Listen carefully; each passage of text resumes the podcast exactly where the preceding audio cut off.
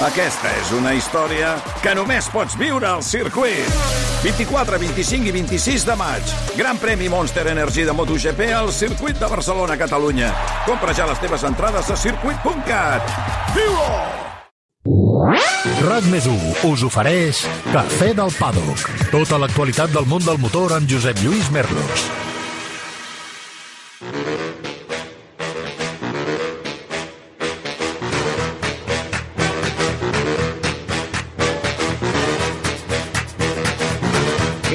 Com esteu, estimades amigues i amics? Benvinguts una setmana més al Cafè del Paddock. Aquest estiu ens està regalant unes curses extraordinàries. Si ens ho vam passar d'allò més bé amb el Gran Premi d'Hongria de Fórmula 1, si vam fruir amb el Gran Premi d'Estíria aquest cap de setmana amb el d'Àustria, el mateix escenari, el Red Bull Ring, amb aquesta onzena cursa del Campionat Mundial de MotoGP, també ho hem passat d'allò més bé. Sobretot en dues categories, amb Moto3 i amb MotoGP, que ocuparan gran part del temps del nostre programa d'avui. I no voldria passar per alt també les dues últimes curses de la IndyCar perquè han estat força espectaculars. L'Àlex Palou ens està fent vibrar amb aquesta trajectòria que l'ha de portar sí o sí a guanyar el títol en aquesta, la seva segona temporada, el que molts en diuen la Fórmula 1 americana. En parlarem, evidentment que sí, al nostre Cafè del Paddock, el podcast setmanal dedicat al món de les dues i les quatre rodes.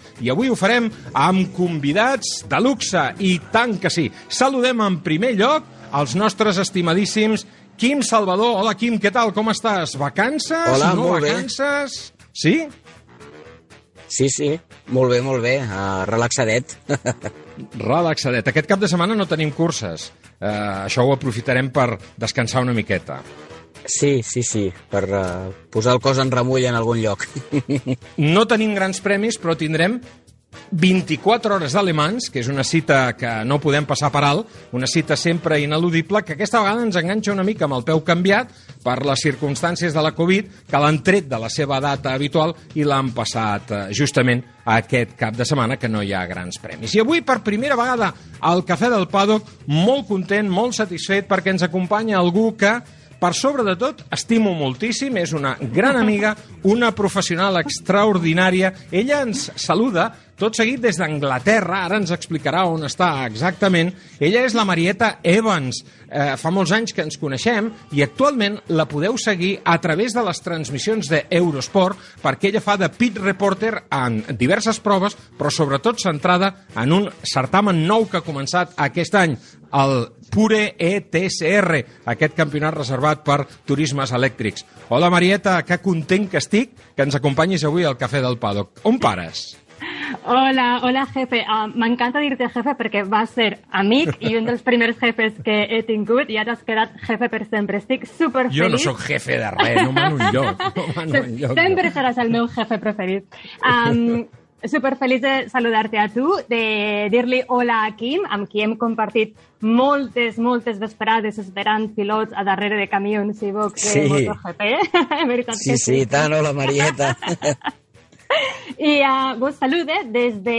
Estic a West Sussex i estic més o menys a mitja hora de Goodwood. A mitja hora de Goodwood. Uh. Yes. Uh, Sussex és una comarca anglesa, que és on vius tu, amb una llarga tradició de competicions del món del motor. Uh, hi ha alguns circuits relativament a prop d'on tu vius i moltes curses, no? D'aquestes Sí, que en sí. diuen de clap, que ens agraden tant. Sí, no, i uh, tenim el, uh, molt prop d'ací um, el Wings and Wheels Festival també. Sí, és, uh, Sí? és, una, és una mica un, una mini meca de la, del motor a Anglaterra. Molt bé, doncs comencem presentant els nostres protagonistes. Atenció, que en tenim més. Alguns us agradaran moltíssim, n'estic convençut, en aquest Cafè del Paddock, edició número 22. Avui, al Cafè del Paddock amb... Quim Salvador, Rubí. Marieta Borredà, UK. Pedro Acosta, Mazarrón. I Carlos Gil a la gestió tècnica, com sempre. ¡Trata de arrancarlo! ¡Trata de arrancarlo, Carlos! ¡Trata de arrancarlo! ¡Trata de arrancarlo, por Dios! Avui, en aquest Cafè del Paddock, amb aquests propòsits informatius.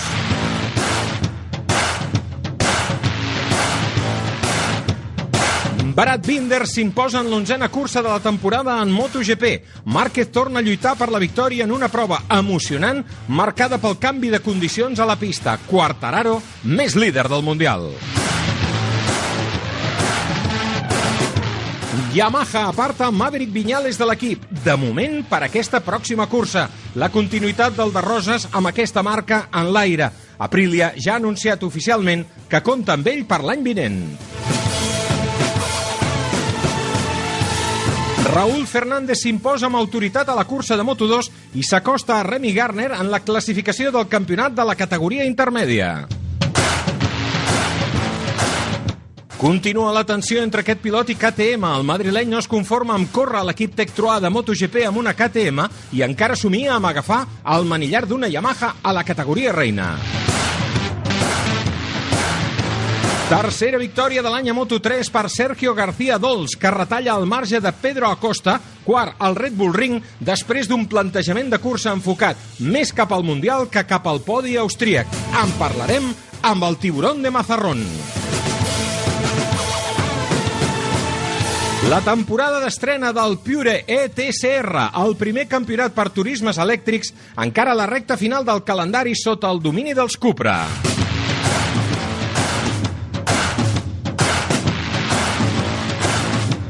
Àlex Palou protagonitza el primer abandonament de l'any a la IndyCar després d'una avaria al motor quan faltaven poques voltes pel final i era quart per davant de tots els seus rivals. El català manté el liderat de la classificació, però amb Pato O'War més a prop. Després de la primera victòria del 2021 per Will Power, la quarantena de la seva trajectòria esportiva, aquest cap de setmana arribarà una nova reunió al circuit de Gateway. Primera victòria de la temporada també per Thierry Neuville, que s'imposa al rally de casa seva, el Dipré, a Bèlgica. Ogier manté el liderat del Mundial. La pròxima cita serà a Grècia a començaments de setembre amb l'Acròpoli, que torna al Mundial 12 anys després de l'última vegada. L'holandès Nick de Vries es proclama campió de la Fórmula E a l'última cursa de la temporada disputada a Berlín. 13 pilots hi arribaven amb opcions matemàtiques al títol. Aquesta hauria pogut haver sigut l'última cursa de l'equip Mercedes, que està a punt d'abandonar la categoria.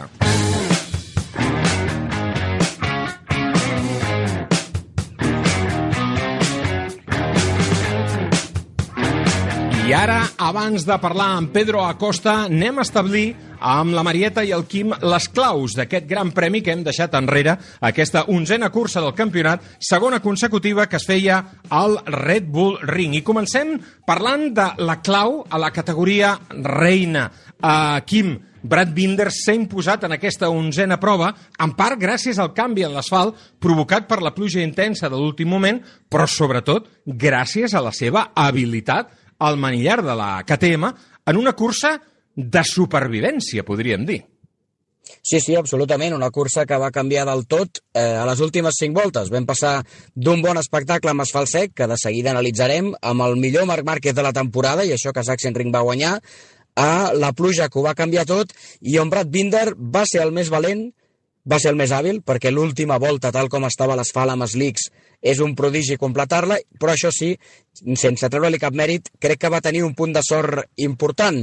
Primer, que evidentment la pluja va canviar el guió, i després, sobretot, que del grup capdavanter va ser l'únic que es va quedar a la pista i, per tant, només amb tot el mèrit que té, havia d'arribar a la meta amb els slicks sobre aigua, no lluitar amb ningú per la victòria. Jo crec que si allà es queda algú més, hauria acabat eh, tothom per terra. Però escolta, em trec el barret per la victòria de Brad Binder. I com deia el Quim, Marieta, a Marc Márquez ens ha transmès unes sensacions molt positives sobre la pista seca fins la seva caiguda anant primer quan faltaven dues voltes. El Quim ho ha dit, va guanyar Sachsenring, però ens va agradar tant el seu pilotatge aquí al Red Bull Ring, un circuit que no li anava gens bé a la seva onda, per cert. Uh, sí, sempre ens sap greu que un pilot caiga, aquest, aquesta cursa ens va saber molt greu que el Marc caigués, sí. perquè per mi va ser, sense dubte, un dels herois de la jornada.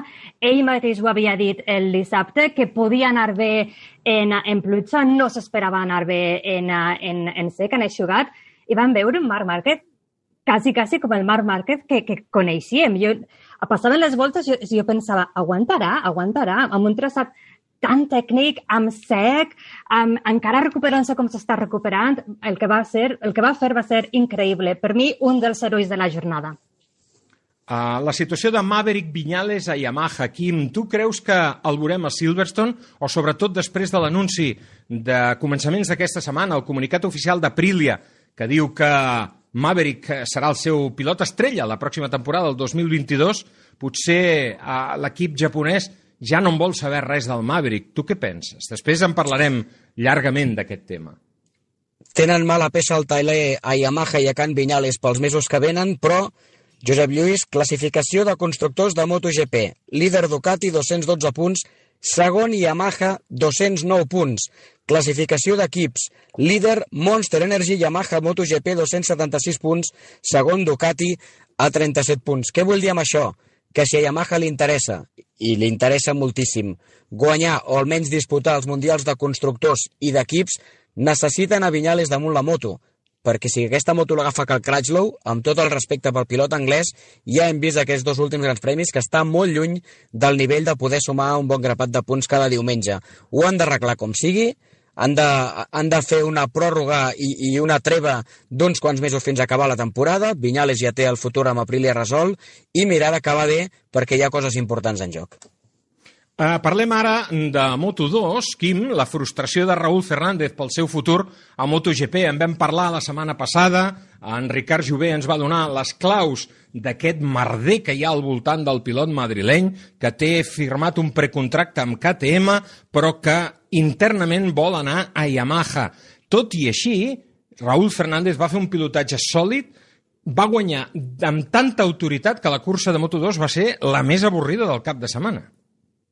Va ser avorrida, però és molt interessant en clau de campionat, perquè situa Fernández eh, ja trepitjant-li els talons a Remy Garner a 19 punts, i per la reacció de Raúl Fernández, després d'un cap de setmana passat, eh, on, vaja, ja ho vàrem explicar, no? però va tenir una situació molt difícil fora de la pista i se'n va ressentir a la pista, aquest diumenge Fernández eh, s'ha reivindicat i de la millor manera. Del tema del futur, entenc el desencís del pilot, però hi ha una cosa que potser tothom s'hauria de fer mirar que és quan els signen els contractes, què s'assigna? Perquè KTM, en el fons, pot ser lleig, però si està signat, té raó. Tota la raó del món, evidentment que sí. Els rookies, en qualsevol cas, han estat protagonistes de Moto2, perquè, eh, a més a més de la victòria de Raúl Fernández, ens va agradar moltíssim l'actuació d'Ai Ogura. I hem vist com ara Raúl Fernández posa pressió a Remy Garner. Marieta, tu coneixes bé a Remy Garner. Creus que aguantarà aquesta pressió que li està exercint ara des del darrere al Raül? Uh, sí, perquè uh, té al seu costat a Wayne Gardner i a Kiaho. Ara parlarem amb detall d'això precisament quan analitzem aquest gran premi, efectivament. Sergio García Dols també és un home que està posant pressió i que ara, Quim, s'està reivindicant amb una brillant nova victòria a Moto3 i retalla la diferència amb Pedro Acosta, amb qui parlarem ja dintre de breus segons. Com ho veus? Tenim campionat aquí, eh? Uh, García Dols, en les uh, tres últimes curses, tinc aquí unes estadístiques, Quim, que ho diuen tot. García Dols, en les tres últimes curses, en les set últimes curses, perdó, ha marcat 18,7 punts de mitjana. Ha fet 3 victòries, 2 segons, un setè i un novè. Mentre que el Pedro Acosta, en aquestes set últimes curses, ha fet 14,4 punts de mitjana, amb dues victòries, dos quarts, un setè i dos vuitens. Com ho veus? Està eh, conduint amb la calculadora a costa o García Dols va a totes desesperat per guanyar aquest títol mundial que porta 3 anys perseguint? García Dols no té res a perdre, està en un moment fantàstic, ens està exhibint que és un pilot eh, d'altíssim nivell i un potencial campió del món, però jo crec que el Mundial és de Pedro Acosta. Només el pot perdre Pedro Acosta i no veig el Pedro Acosta que hem vist eh, aquesta temporada perdent aquest Mundial. De fet, en aquesta situació en què no està tan amunt, està sumant un bon grapat de punts a cada cursa i a part em sembla que és un pilot eh, que no, no es vol mirar mai gaire a la general. Ho varen veure sobretot la setmana passada amb l'asfalt mig moll i ell donant-ho tot per guanyar la cursa. Jo crec que el Mundial és de costa, però celebro la irrupció de García Dols, confirmant el talent que molta gent fa temps que ens deia que tenia, però que ara sí que l'estem veient, i que a sobre no, no crec que li arribi per guanyar el campionat, però és evident que animarà aquest final de temporada. Veurem què ens explica dintre de pocs segons aquí al Cafè del Paddock, el tiburón de Mazarrón. Marieta, pròxima cursa, Silverstone, pròxima cursa del Campionat Mundial de MotoGP. Un traçat molt diferent a l'austríac. Vam veure com amb la Fórmula 1 Silverstone ja tenia una molt bona entrada, al Red Bull Ring vam veure molts espectadors, sobretot en la segona cursa. Què ens espera al circuit de Silverstone? Quina és la situació sanitària que teniu ara mateix a Gran Bretanya? Um, no, no estic segura per al Gran Premi de MotoGP quina, quina serà la situació. Uh, la Fórmula 1 va ser el que el govern va fer com una, una prova de veure què passa si, si tenim grades plenes tant a, tant a Silverstone com a Goodwood, que també va ser amb espectadors. Eh, la situació aquí continuen, continuen els positius i, uh, i, i, i gairebé cada dues o tres setmanes tenim canvi de, de regulació. No sé què passarà d'aquí a dues setmanes. Eh, el que sí que vos puc dir és que no estem tenint un estiu gens càlid ni estable, així és que jo diria que el temps, les condicions meteorològiques i les condicions a pista seran de nou protagonistes.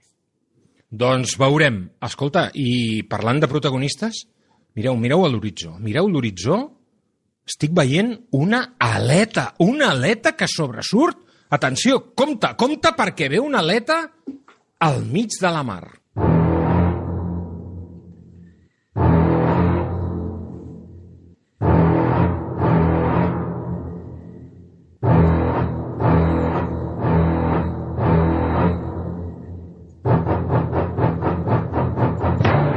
Es que en las aguas procelosas de MotoGP ha llegado un escualo, un tiburón, un auténtico tiburón que quiere darle una dentellada al Campeonato Mundial de Moto 3. Esta es su primera temporada, acaba de cumplir, como quien dice, 17 años. Viene de la Rookies Cup y tiene por detrás una gran aureola. Huele a campeón, a campeón del mundo, no únicamente de Moto 3, sino que parece llamado a empresas mayores. Avui, al nostre cafè del paddock, el tiburón de Mazarrón, Pedro Acosta. Pedro, ¿qué tal? ¿Cómo estás? Muy buena, muy buena, muy bien. Eh, estás ya en Mazarrón, ¿no? Después de dos semanitas en el Red Bull Ring, supongo que se agradece ahora estar en casa, ¿no? Bueno, sí, han sido dos semanas largas porque al final estando fuera de tu casa, fuera de tu país, eh, la verdad que, que se hacen largas, ¿no? Porque al final eh, no son los hábitos a los que tú estás acostumbrado, no es el clima al que tú estás acostumbrado, entonces se ha hecho, se ha hecho pesado. Eh, ¿Qué es lo que echas más eh, de menos cuando estás fuera de, de tu casa, de tu tierra? Bueno, a ver, cuando estoy fuera monto en moto también, entonces, bueno, a lo mejor un poco el calor, pero, pero se agradece de vez en cuando que baje la temperatura. Y la comida, ¿no? Me imagino, porque la comida como en casa en ninguna parte. Claro, bueno, al final los hábitos, quitarse hábitos cuesta, ¿no? Entonces, sí, la verdad que lo de la comida se agradece que, que nos cuiden bien en, en el circuito. Me imagino. Oye, eh, Pedro, ¿cómo es Mazarrón? Yo no he estado nunca allí, pero un grandísimo amigo común, como es Jaime Alguersuari, me ha hablado maravillas, porque creo que os estuvo acompañando recientemente durante una fiesta muy importante y me ha dicho, tienes que conocer ese lugar. Cuéntanos, ¿cómo es Mazarrón? Bueno, eh, un lugar tranquilo, eh, que creo que la gente es muy familiar, entonces eso, eso siempre se agradece. ¿Y tu vida allí, cómo es un día a día, un día normal en Mazarrón? Hoy, por ejemplo. Bueno, eh, yo por las mañanas siempre suelo entrenar, entonces ya, ya he llegado del gimnasio hace, hace un rato, entonces ya solo, solo quedará esperar a la tarde para, para ir y ya entrenar con la moto. Muy bien. Oye, Pedro, hablemos de carreras. Hazme un balance de esas 11 carreras que hemos dejado atrás. Eh, ¿Te esperabas en tu primer año del Mundial eh, liderar, llegados a esta altura del campeonato, el certamen, y con esa diferencia tan contundente de puntos que tienes? Bueno, eh, creo que nadie se espera llegar al Mundial y hacerlo bien desde el principio. Eh, creo que esto ha sido una consecuencia de cosas, ¿no? De yo llegar al equipo, encontrarme bien, ir a Qatar, encontrarme bien con la moto y a Portimao tener la confianza ya cogida con la moto. Entonces, creo que ha sido una consecuencia de, de todo el trabajo del invierno. ¿Qué destacarías como más positivo, aparte de las cinco victorias que acumulas de momento, hasta llegar a este instante? Bueno, eh, creo que lo positivo que hemos mejorado la, la parte del pilotaje que nos costaba eh, a principio de año, como los entrenos, un poco los cronos. Pero, pero bueno, creo que desde Sachsenring hemos dado un paso porque ya somos competitivos en, en todas las condiciones, en todos los entrenos, entonces creo que esto es importante de cara a la lucha por el Mundial. ¿Y lo peor hasta el momento? Bueno, no ha habido, no ha habido ninguna época mala, al final cuando no he ganado he aprendido, entonces ha, ha ido bien siempre. ¿Tú estás aquí para aprender o has llegado ya sabiéndolo, si no todo, casi todo? Porque viendo cómo pilotas una moto, yo diría que bastante, bastante sabes. Bueno, eh, seguro que hay gente que sepa más que yo, entonces todavía estamos aprendiendo. bueno, ¿y hasta dónde quieres seguir aprendiendo? Hasta donde se pueda, ¿no? ¿Tú piensas en MotoGP ya? Bueno, eh, me gustaría subir algún día, entonces eh, ahora mismo pienso en, en, la siguiente carrera en Silverstone y ya, ya veremos qué pasa de aquí a unos años. Silverstone va a ser muy diferente de lo que hemos visto hasta ahora, es un trazado muy distinto. ¿Te puedo confesar algo? ¿Sabes cuál es de todas las carreras que has hecho la que más me ha gustado? Dime. Yo creo la última. Porque en la última, mmm, primero, mmm, vimos que eres humano que hasta el momento no habíamos visto ningún error y vimos allí uno, pero pequeñito, pequeñito. Pero sobre todo porque yo entiendo que eh, tú veías que eh, quedar cuarto, que no era ningún desastre, que estaba muy bien, sobre todo pensando en el campeonato. ¿Estás de acuerdo o no? Nos has acostumbrado a, las victorias de forma habitual, pero caramba, quedar cuarto mmm, a estas alturas del campeonato, pues está muy bien, ¿no? Bueno, eh, sinceramente, eh, estaba muy cabreado, no nos vamos a engañar. Eh, esto era, era una cosa que me recomía por dentro, ¿no? No haber ganado la carrera, entonces me hubiera quedado casi más tranquilo habiéndome caído que habiendo acabado cuarto. Entonces, eh, hubiera hubiera sido una situación de o grabo o champán, pero bueno, eh, vamos a dejar lo que estuvo la carrera. Pedro, pero no se puede ganar siempre. Bueno, eh, entonces, ¿para qué vamos a las carreras? a, a, ver, esto, esto es muy fácil. Ahí el único que sigue es el que gana. Uh, Ya. Los demás, ahí es como que no pintamos nada.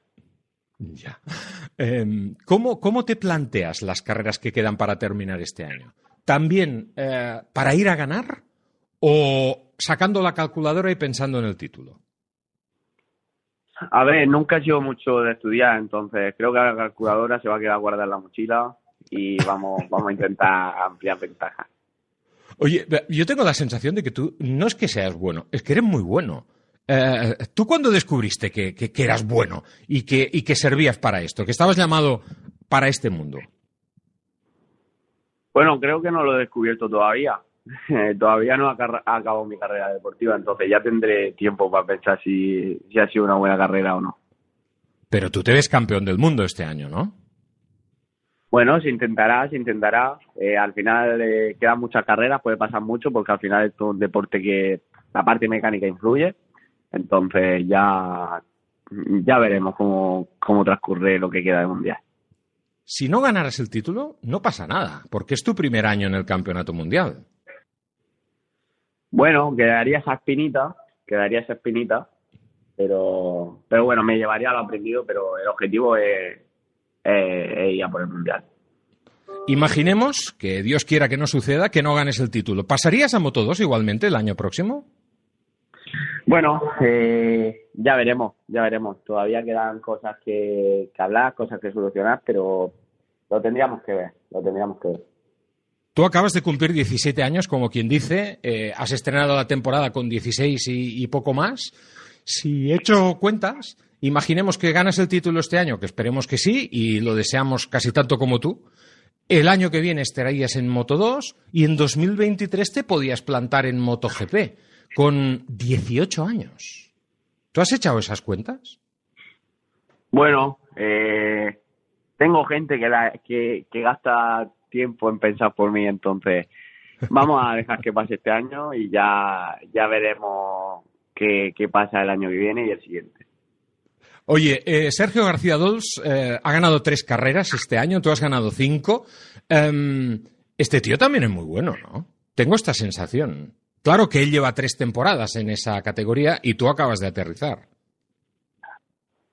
Bueno, sí, sí que es muy bueno. La verdad que está muy fuerte y creo que esto va, a hacer mm, que el Mundial sea entretenido hasta el final. Estoy convencido de ello. Tú no los has visto correr porque eres muy joven, pero yo crecí ahí precisamente y a finales de los 80 en España hubo una rivalidad muy grande entre dos pilotos de leyenda, Sito Pons y Joan Garriga. Eh, tú ya has ganado más carreras de las que consiguió Joan Garriga, que aparte de ser gran amigo mío, era un referente para mí. ¿Quiénes son tus referentes en este momento? Bueno, eh, no tengo muchos referentes, pero bueno, me gusta mucho Kevin Schwantz, me gusta mucho Stoner, entonces creo que si me tuviera que fijar en alguien, me fijaría en ellos. Pero a Kevin Schwantz le has visto correr muy poco o casi nada. Habrás visto vídeos antiguos de tu padre, imagino. Claro, claro, claro. Pero bueno, em, eh, daba, daba show y creo que eso, eso es una de las partes bonitas de las motos, ¿no? ¿A ti te gusta dar show también? Bueno, el mundial es muy serio, entonces eh, alguien tiene que hacer que la gente disfrute viendo la. Si no, ¿sabes? eso es muy serio y ya perdería hasta la gracia.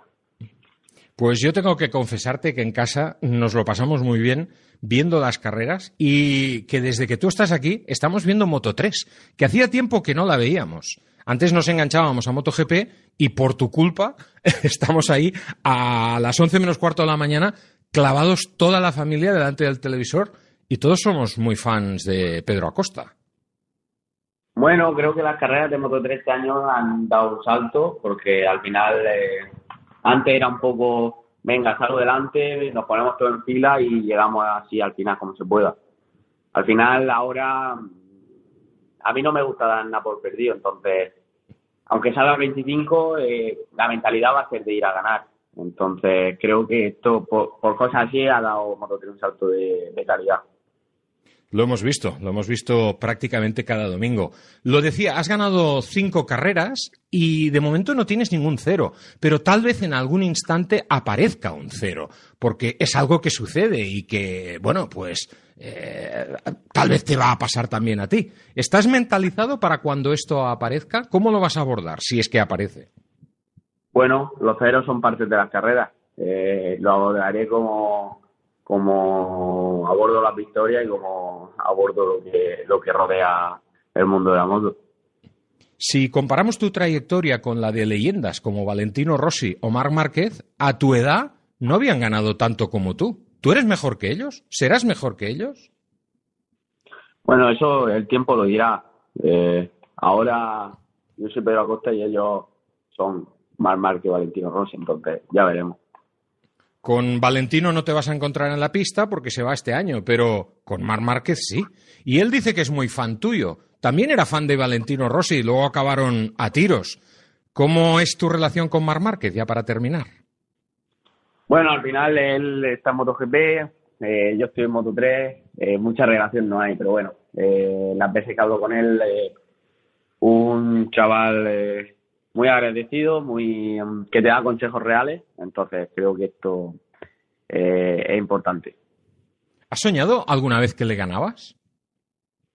Bueno, al final, si eres piloto, sueñas que gana a todo el mundo, porque si no, no estás ganando, está quedando segundo. Entonces, está claro, entonces está bueno, claro. ya, si le dan algún día, mejor que sea de- despierto. mejor, mejor. Marieta, ¿tienes alguna pregunta para Pedro que te está escuchando? Eh, sí, ah, hola Pedro, eh, buenas tardes. Yo tengo una pregunta para ti. Eh, mi pregunta es, ¿cuál es la poción mágica, la receta mágica de Aki Ajo? Porque sin poner para nada en duda tu talento enorme, es cierto que, que es que todos los pilotos que toca que tienen talento los convierte o en campeones o en candidatos a campeón del mundo. ¿Qué es, qué es lo que os aporta Aki? Bueno, eh, es un hombre frío, ¿no? Es, es de Finlandia. Entonces, tiene, tiene la idea bastante clara. eh, creo que sabe calmarnos a, la- a los pilotos que llamamos con muchas ganas. Y creo que esto es una de las claves que, que nos da él para poder ser competitivo y no, y no tener fallos. Quim, alguna pregunta pel Pedro? Sí, no, no sé si, si María quería repreguntar. Sí, sí, María.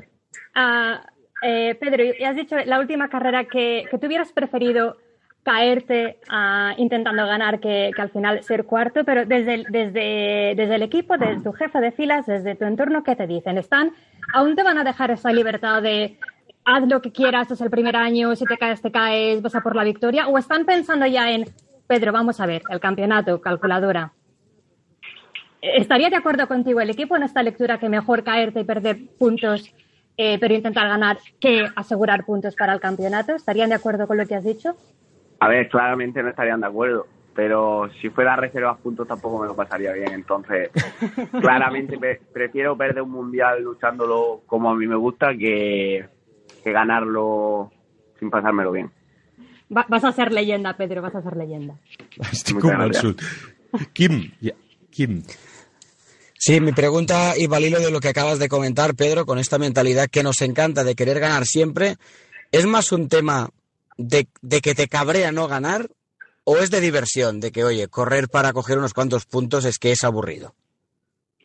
Eh, las dos, las dos. Eh, a ver, eh, si salgo a, a correr para ganar o para intentar ganar, si, si no, podría estar aquí pescando en el barco de mi padre o bailando ballet.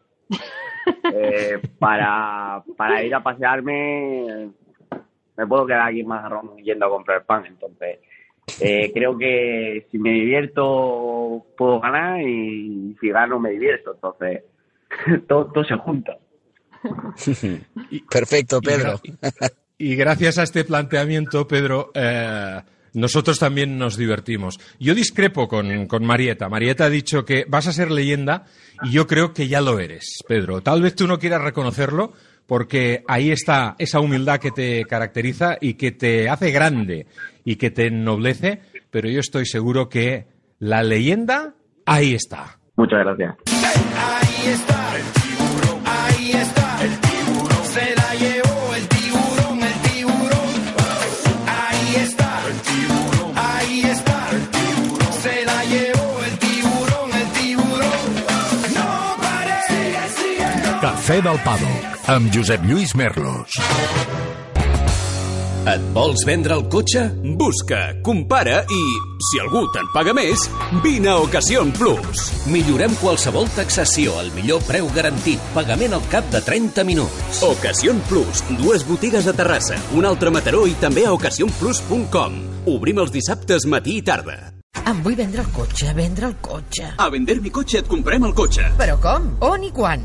No tinc temps. Fàcil i molt de pressa. No cal ni demanar cita. Vine amb el teu cotxe, accepta la millor oferta i abans de 30 minuts tu i els teus diners estareu de tornada a casa. Vinga, venta el cotxe a vender mi cotxe. Som a Barcelona, al carrer Rocafort 78, Cornellà de Llobregat i a Sabadell. Cafè del Pàdoc, amb Josep Lluís Merlos.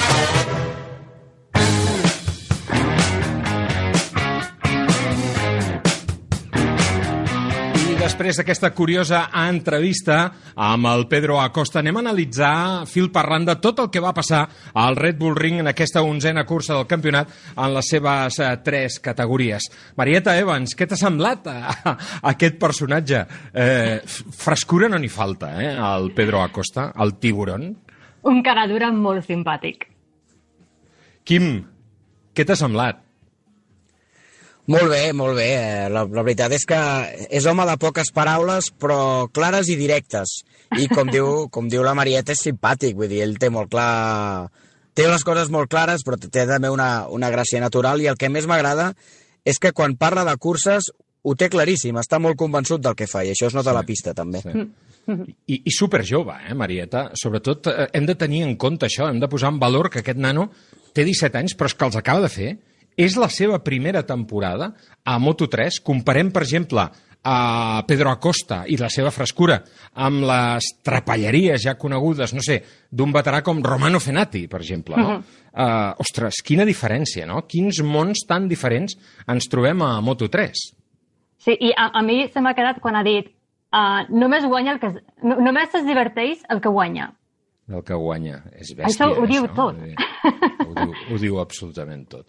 Uh, no crec que s'estigui divertint gaire el protagonista dels pròxims minuts en aquest Cafè del Pado, que és Maverick Viñales, perquè ara precisament volia parlar de la situació de Maverick Viñales. Quim, s'han cobert tots els pronòstics, s'han complert les previsions del nostre amic Ricard Jové, ell va ser el primer que va avançar públicament que Maverick partiria peres amb Yamaha i també va ser el primer en avançar que fitxaria per Aprilia i el nostre company a Dazón la veritat és que la va clavar perquè aquest dilluns la marca de Noale ha fet oficial ja el seu fitxatge per la temporada vinent.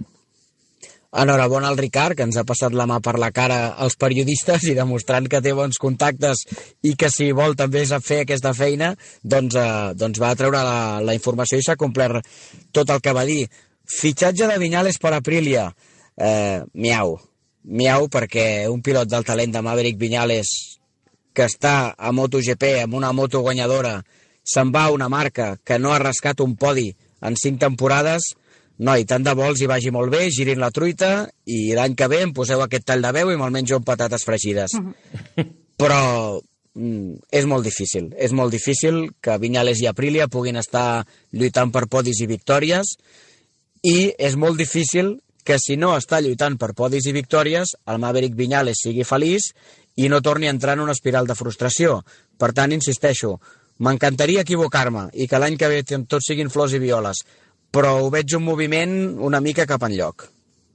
Marieta, um, Maverick va fer unes declaracions a, a Sky, sobretot, uh, va ser la primera televisió a, per la qual va parlar, demanant disculpes. I alguns analistes deien això és que l'any vinent correrà amb l'UBR46, perquè, com sabeu, la, cadena italiana Sky és patrocinadora de, de l'equip de Valentino Rossi, que l'any vinent tindrà les Ducati. I tots sabem que Gigi Dalinya li agrada molt Maverick Viñales com a pilot i que era una manera de veure com Viñales podia pilotar una de les seves motos. Però això finalment no ha estat possible.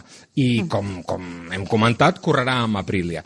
Marieta, tu vas coincidir amb Maverick quan corria a Moto3, tu aleshores estaves cobrint el campionat mundial, treballant per Dorna, i vas viure ben de prop l'espantà que va protagonitzar de l'equip de Raúl Romero a Malàisia. Mm. Què té a veure el que va passar aleshores amb el que ha passat ara? És el mateix o no?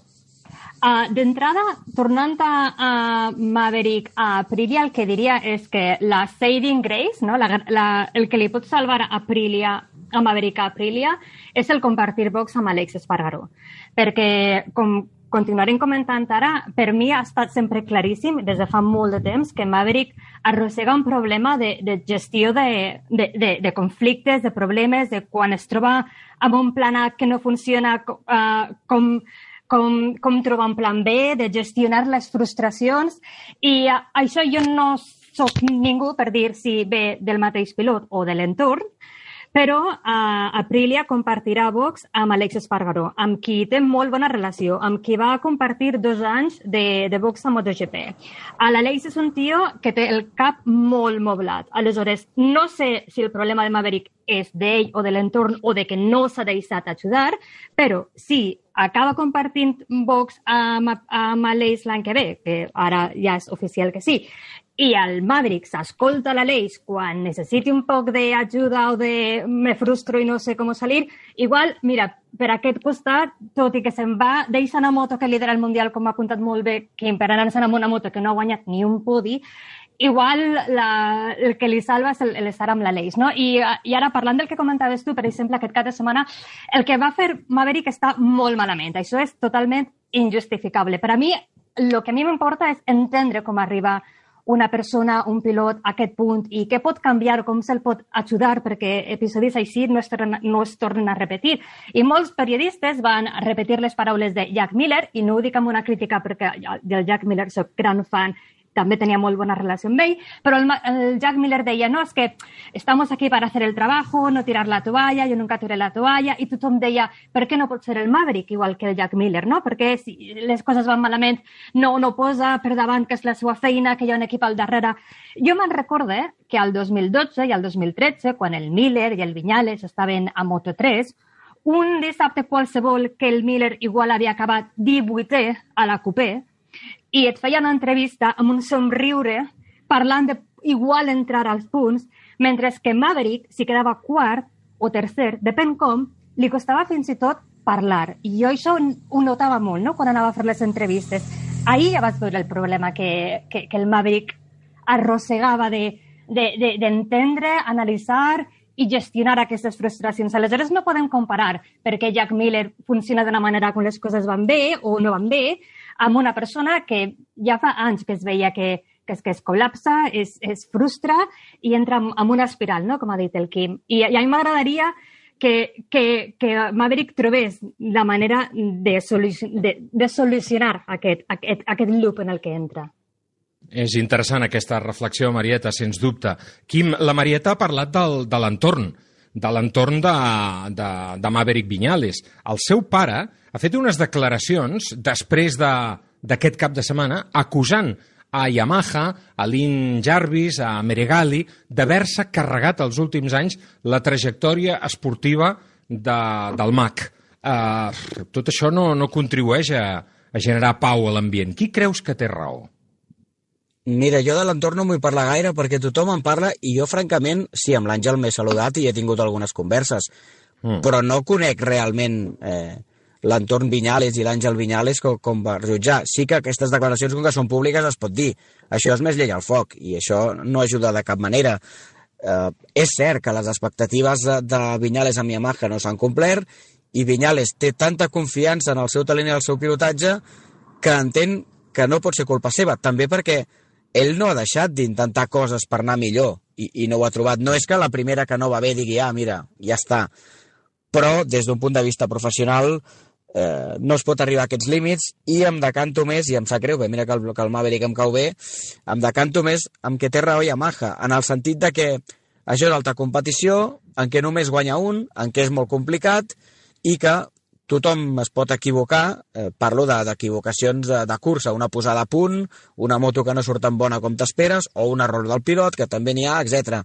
Però és que el Maverick porta temps siguent estranyament contundent amb la marca cada cop que té un micròfon al davant, cosa que als periodistes ja ens va bé, però que des d'un punt de vista de la marca és horrorós. Li estàs pagant uns quants milions d'euros a un senyor que quan surt en públic resulta que en lloc de donar bona imatge a la marca doncs, eh, doncs eh, en, en dona dolenta. I realment el tema del Gran Premi d'Estíria és que és injustificable de totes totes. Jo crec que per això Vinyales, amb un acte de contricció que no havíem vist ni quan va fer l'espantada de Moto3, acaba sortint després d'uns dies a demanar disculpes i a reconèixer que s'ha equivocat, perquè és injustificable i a part, ostres, un pilot professional sap millor que ningú que hi ha la telemetria, que hi ha les càmeres, que hi ha els temps per volta, que se sabrà, que es veu, que serà de domini públic i no, no, es, pot, no es pot justificar de cap manera.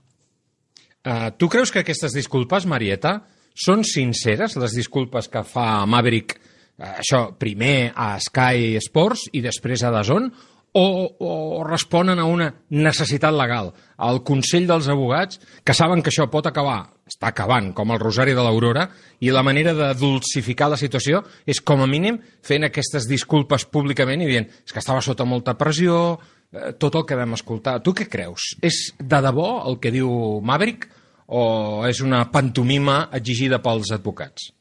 Uh, jo crec que les dues coses. Jo crec que va demanar disculpes perquè ho havia de fer, però jo crec que volia fer-ho. Uh, estic totalment d'acord amb un punt que, que ha fet el Quim. Uh, quan jo parlava dels problemes del, del, del Maverick, si venen d'ell o de l'entorn, uh, el que estic totalment d'acord és que això no és un problema de, de Yamaha. Estic totalment d'acord que Yamaha ha fet tot el que podia i estava uh, a les mans de Yamaha per posar-li el millor paquet, la millor moto. I el uh, que Maverick necessita per eixir d'aquesta situació no té res a veure amb tècnicament què li podia donar Yamaha o no. Aleshores, a dins del cap del Maverick, evidentment, només està ell, però jo crec, o vull creure, que quan van passar uns dies i va ser conscient del que havia fet i que, com el Kim deia, deia ja la telemetria, que Yamaha ho veuria el que havia, el que havia fet, jo crec que el Maverick ho ha passat malament o vull creure que ho ha passat malament.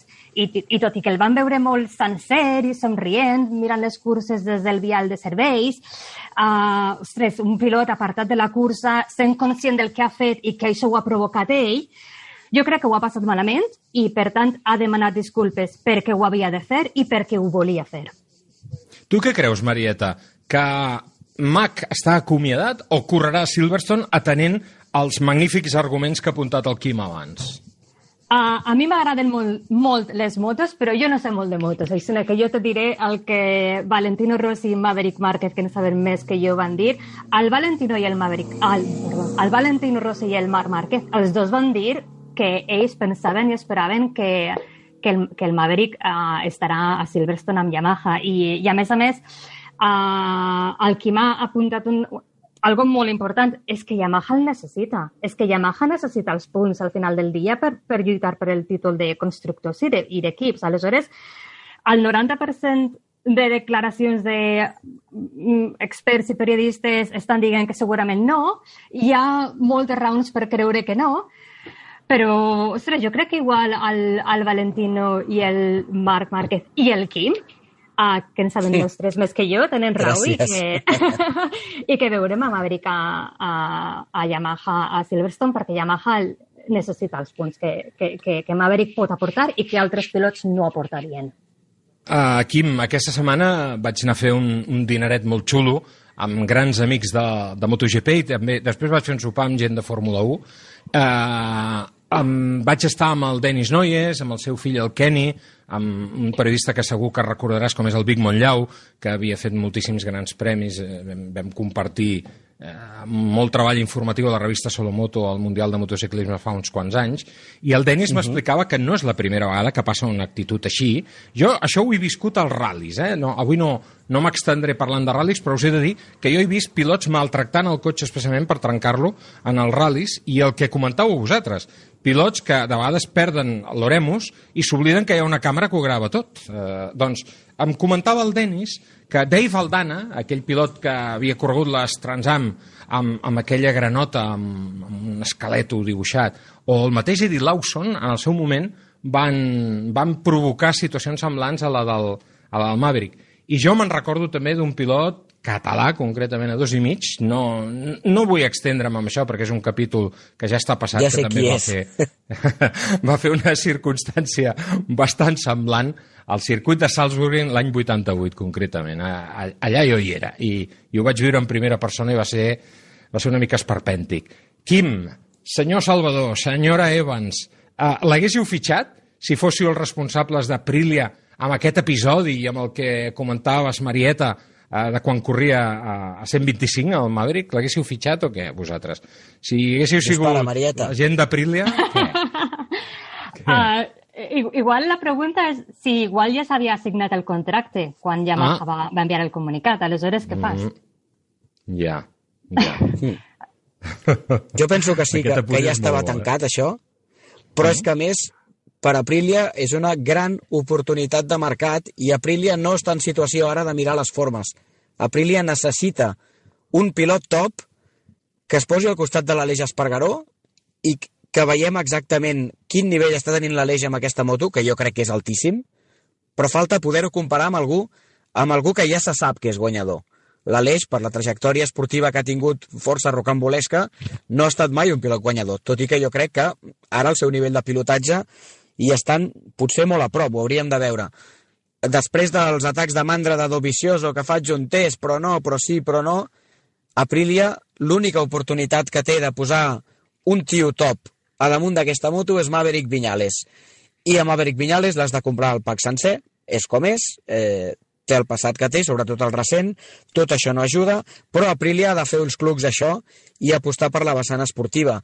I, mm, ja ho deia abans, jo no crec que, que això esportivament mm, acabi sortint del tot bé, però és l'oportunitat que tenen, ho han de provar i, escolta, tant de bo, tant de bo Viñales i la moto s'entenguin, aconsegueixin posar més cavalls en aquest motor, que fa molta falta, i, i sabrem exactament on està en el nivell d'Aprilia, de Viñales i de retruc de l'Aleix, que després d'anys eh, intentant predicar sol en el desert amb aquesta moto, per fi eh, tindrà un punt de referència interessant.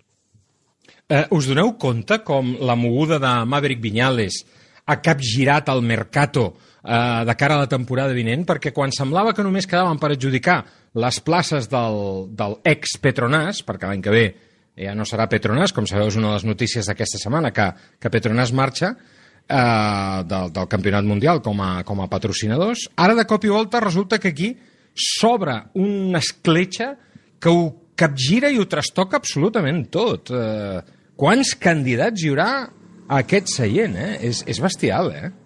Ho veieu, això?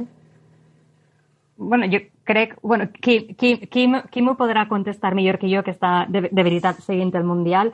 Uh, Quim, és Morbidelli el candidat número 1 a anar-se'n a l'equip oficial l'any que ve a la moto de Vinyales? Morbidelli i el Jo seu només genoll, et- vols dir? Jo diria que no només és el número 1, sinó que és l'únic. Perquè És ara mateix... Tu creus que és l'únic? Home, per l'equip oficial sí, perquè la resta tenen Mm. contractes en vigor, a menys que Rins trenqués amb Suzuki, i Suzuki s'hi avingués perquè la temporada de Rins és un desastre. Aquí estic fent motociclisme ficció, jo vaig intentar rascar fa unes setmanes amb aquesta qüestió i tothom m'assegurava que no, però Suzuki estan contents amb Mir i, i, i Rins, eh, doncs home, potser li aniria bé un canvi d'aires, tot i que insisteixo, eh, el mateix Alec Rins i el seu entorn em deien que no, que no tenen cap interès en, en, en no continuar amb Suzuki l'any vinent com tenen signat. Però més enllà d'això, d'acord, mm, te'n vas a pescar a Moto2, però aquí pesques a Moto2. Si Remy Garner i Raúl Fernández ja tenen contracte eh, per l'any que ve amb un altre equip, quin altre pilot ha demostrat un nivell per pujar amb garanties a MotoGP? Quina és l'aposta en aquests moments de futur, un cop ja estan eh, encarrilats eh, Fernández i Garner i Pedro Acosta encara no està fet, però em sembla que tenim tots coll avall que anirà a Moto2, evidentment, amb l'equip eh, Red Bull Ayo KTM. Vaja, o, o Pedro Acosta trenca absolutament eh, les cartes i, i va a MotoGP, que si jo fos Yamaha, evidentment ho intentaria, tot i que és un pas agosarat, perquè jo penso que allò de l'escala de tota la vida de categories mm. és molt millor que, que petar directament a dalt i a veure què passa. Tenim exemples que, que no han anat gens bé. O, francament, a part de Morbidelli, no hi veig un candidat clar. Crec que Morbidelli s'acabarà recuperant d'aquesta lesió de genoll, és un molt bon pilot, eh, dins i fora de la pista, això també és important, i, i ja ha demostrat que veiem Yamaha. El problema és l'equip satèl·lit qui tindrà, perquè ara mateix no veig Clar, clar. pilots de renom És que... que- per, per omplir aquesta escuderia. Potser Petronas ha marxat, entre altres coses, al veure que seria difícil tenir un retorn interessant aquí.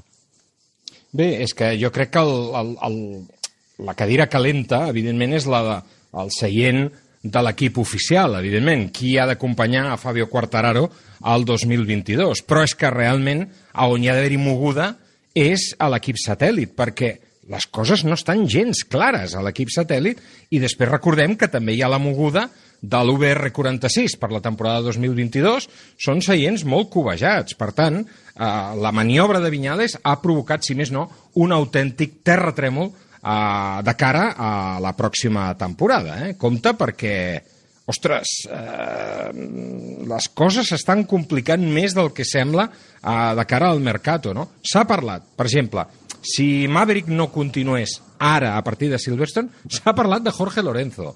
Jo no ho veig, jo no ho veig No, perquè no, el Jorge no. està molt allunyat. S'havia parlat del Dani Pedrosa, això és impossible perquè té contracte amb Menys. KTM.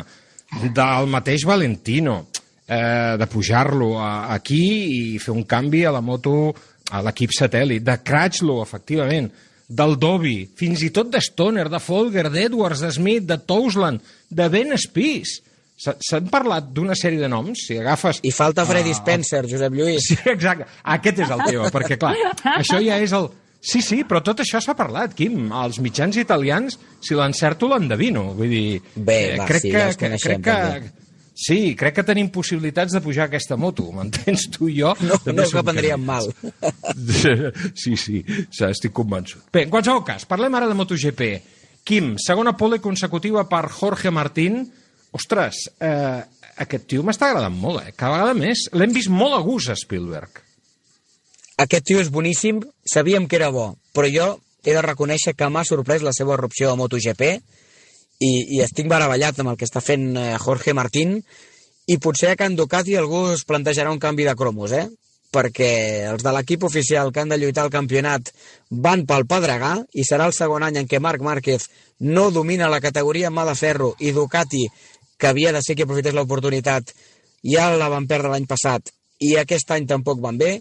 I en canvi Jorge Martín venint des de baix, sent debutant, zero pressió, francament, jo no n'esperava coses super espectaculars del Jorge. I mira, quina temporada de debut que està fent.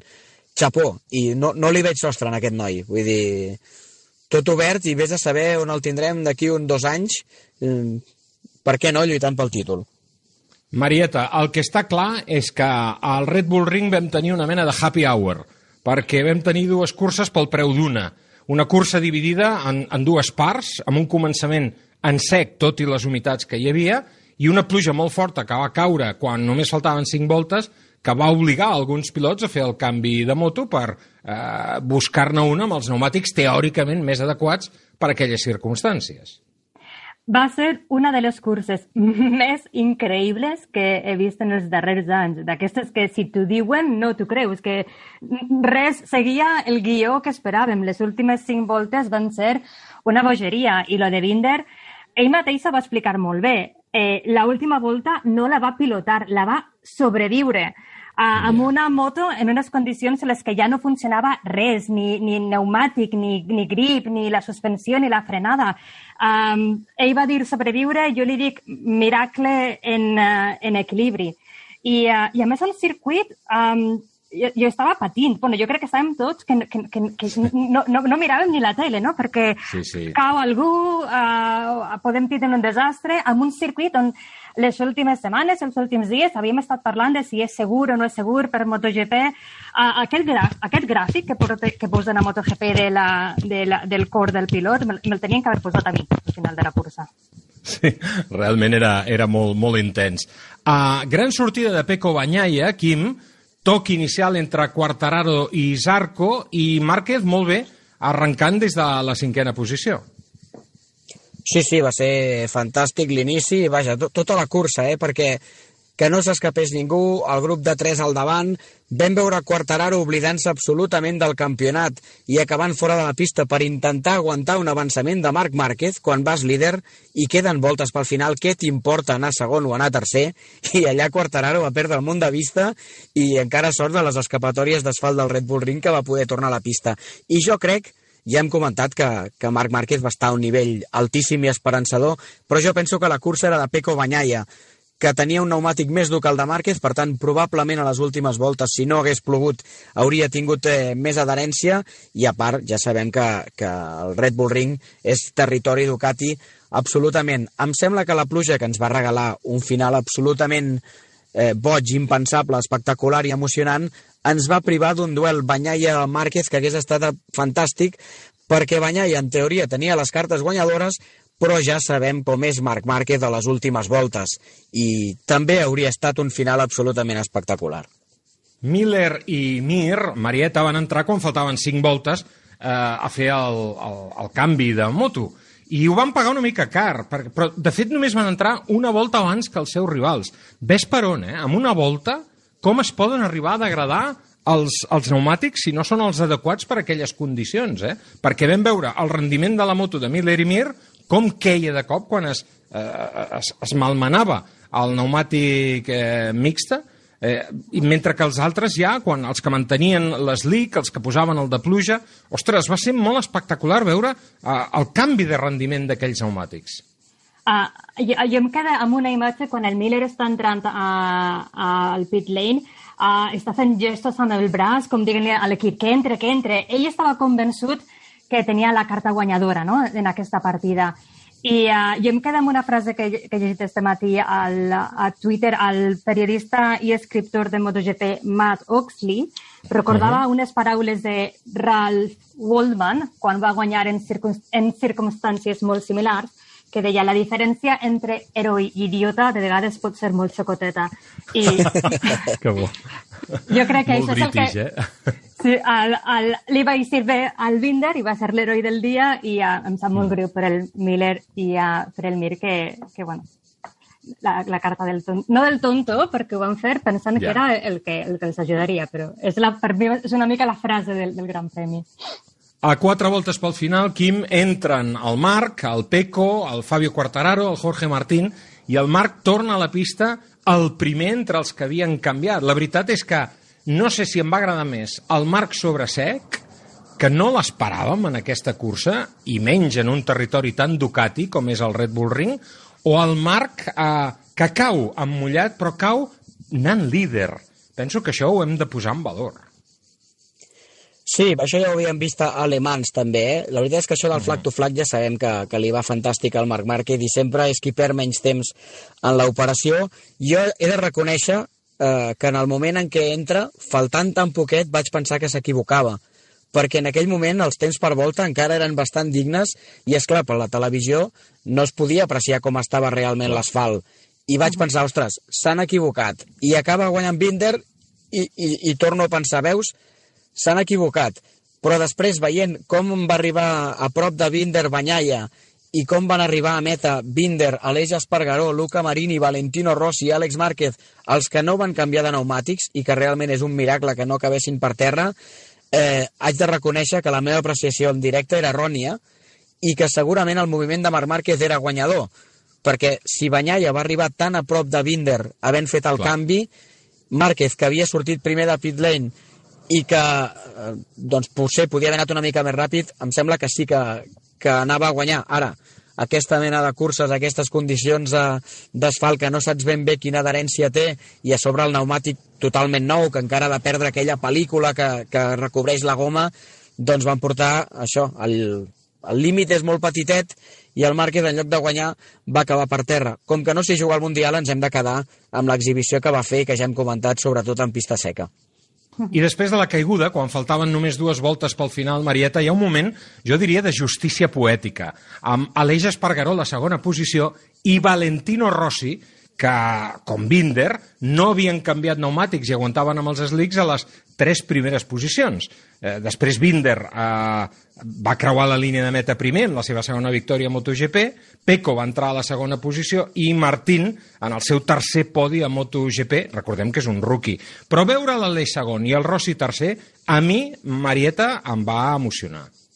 A mi em va emocionar molt, al Valentino encara més, eh, corren per Twitter i per, i per internet les cares del Valentino Rossi explicant sí. a l'última volta, boníssim. ho expliquen tot.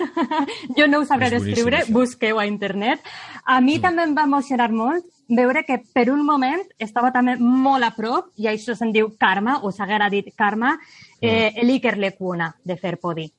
Sí, és veritat, és veritat. Repassem la classificació del Campionat Mundial de MotoGP després d'aquesta victòria d'en Binder, segona posició del Peco, tercera de Jorge Martín, quarta per en Joan Mir, sisena per Iker Lecuona, la Marieta feia referència a aquesta gran cursa, Fabio Quartararo va fer setè, Valentino Rossi finalment va acabar vuitè, primer català classificat Àlex Márquez a la novena posició, just per davant d'Aleix Espargaró.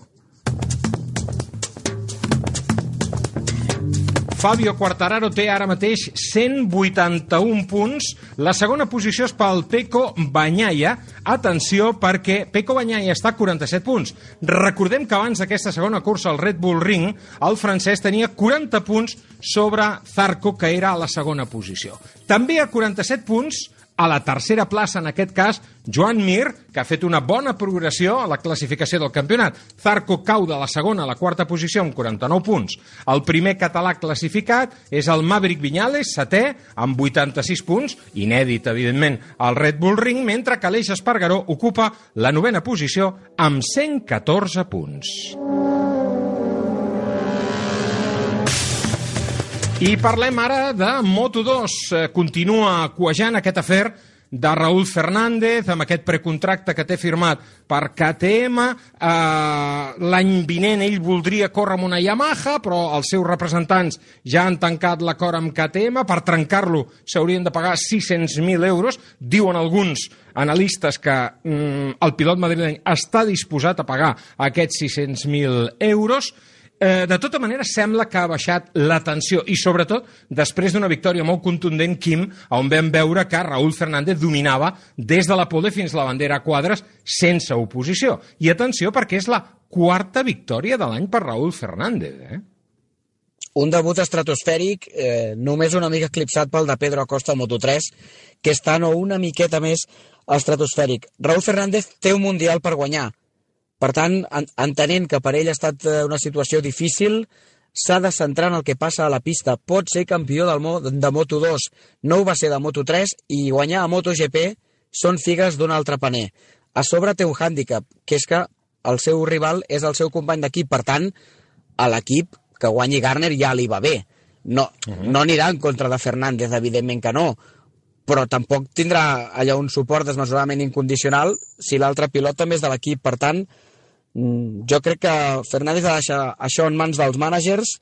Insisteixo que si està signat el que està signat i KTM té la paella pel mànec, doncs noi, tu hauries d'haver mirat a l'hora de signar, més el mànager que no pas ell, però en tot cas això és feina de despatxos i el pilot, si no tingués res a dir a la general, mira, però és que s'està jugant un campionat del món, que se centri, que el pilotatge el té per disputar el títol i em sembla que aquest duel Garner-Fernández traurà espurnes fins a final de temporada. Li ha retallat molts punts a Remy Garner, efectivament, i ara el Mundial es compacta. I parlaves tu del seu company d'equip d'aquest any, però és que també, en teoria, ho ha de ser l'any vinent el Tec Troà a la categoria reina. A mi no em van agradar gens i em van semblar una mica fora de lloc unes declaracions, jo crec, massa absurdes. Uh, uh, ell va guanyar d'una manera molt contundent, però les declaracions que va fer a Dazón em van semblar un pèl fora de lloc, em va semblar que una mica sobrat uh, en les declaracions, i dedicar la victòria als haters penso que no porta a cap a res, Marieta. No sé com ho veus tu, però jo trobo que és un error. Uh, el Raül hauria de passar de tot aquest rau-rau que s'ha creat uh, al voltant d'aquesta situació. Ah, jo estic d'acord, no, no, no tinc molt més a afegir, però crec que es va equivocar amb aquestes declaracions. Totalment d'acord Ogura va ser segon, primer podi de l'any a Moto2, confirmant el, el domini de dos rookies en aquesta cursa, perquè recordem que Ogura també és un debutant, Augusto Fernández, tercer podi consecutiu, té, té molta gràcia, i Remy Garner, sense ritme, la veritat és que no ha reixit gaire el Red Bull Ring en les dues últimes curses disputades. És veritat que, en benefici del australo-català, per dir-ho d'alguna manera, hem de recordar... Sí, perquè viu a Catalunya, i ja sabem que català és tot aquell que viu i treballa a Catalunya. Doncs bé, uh, topada amb Aron Canet al principi, i això el va desconcentrar una miqueta. Marieta, tu coneixes molt bé el Remi, Uh, el teu blog personal, fa pocs mesos, comentàvem que havies pogut entrevistar a la vegada el Remi i el seu pare, en Wayne, el cocodril de Wollongong. En què creus que s'assemblen i en què es diferencien?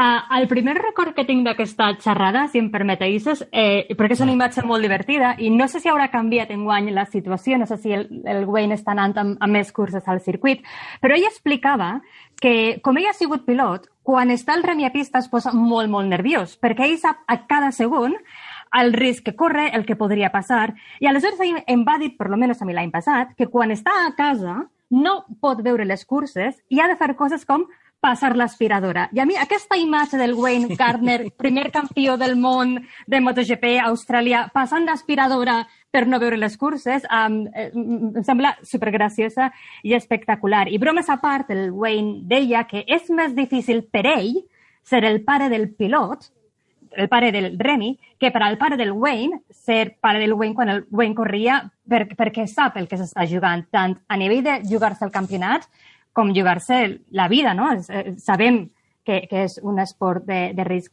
Però, uh, a part d'això, a mi em fa especial il·lusió o gràcia veure el Remy liderant el Mundial, perquè el, el que recordo molt bé d'aquesta entrevista és que el Wayne va dir el Remy té talent, no només per arribar a ser campió del món, com jo, sinó per superar-me i guanyar més títols. I ho va dir molt seriosament. I el Remy va contestar tu això ho dius perquè eres el meu pare i tots els pares pensen que el fill pot ser campió del món. I de seguida el Wayne i jo li van dir eh, però el Wayne no és un pare habitual, perquè ell ha sigut campió del món. Clar, I, clar. I sap el que, el que un ha de tindre per ser-ho. I mira que no estava molt mal encaminat, perquè el Remy, amb permís de Raúl Fernández, té molts números per ser campió del món de Moto2. I després està el factor Akiajo, que és que té un poder sobrenatural per agarrar talent, diamants en bruts, i convertir-los en, en, en candidats a la corona mundial. I aleshores jo crec que aquesta, aquesta combinació del Wayne, el Aki, i la manera tan humil en la que el Remy va dir no, no, jo, no, no em parles de guanyar títols, jo crec que això, responent a la pregunta d'abans de si mantindrà la pressió, té un tio que n'està molt com l'Aki, un tio amb experiència de jo he passat per aquí com el Wayne, i un cap molt moblat de yo no me lo voy a creer, voy a hacer mi trabajo.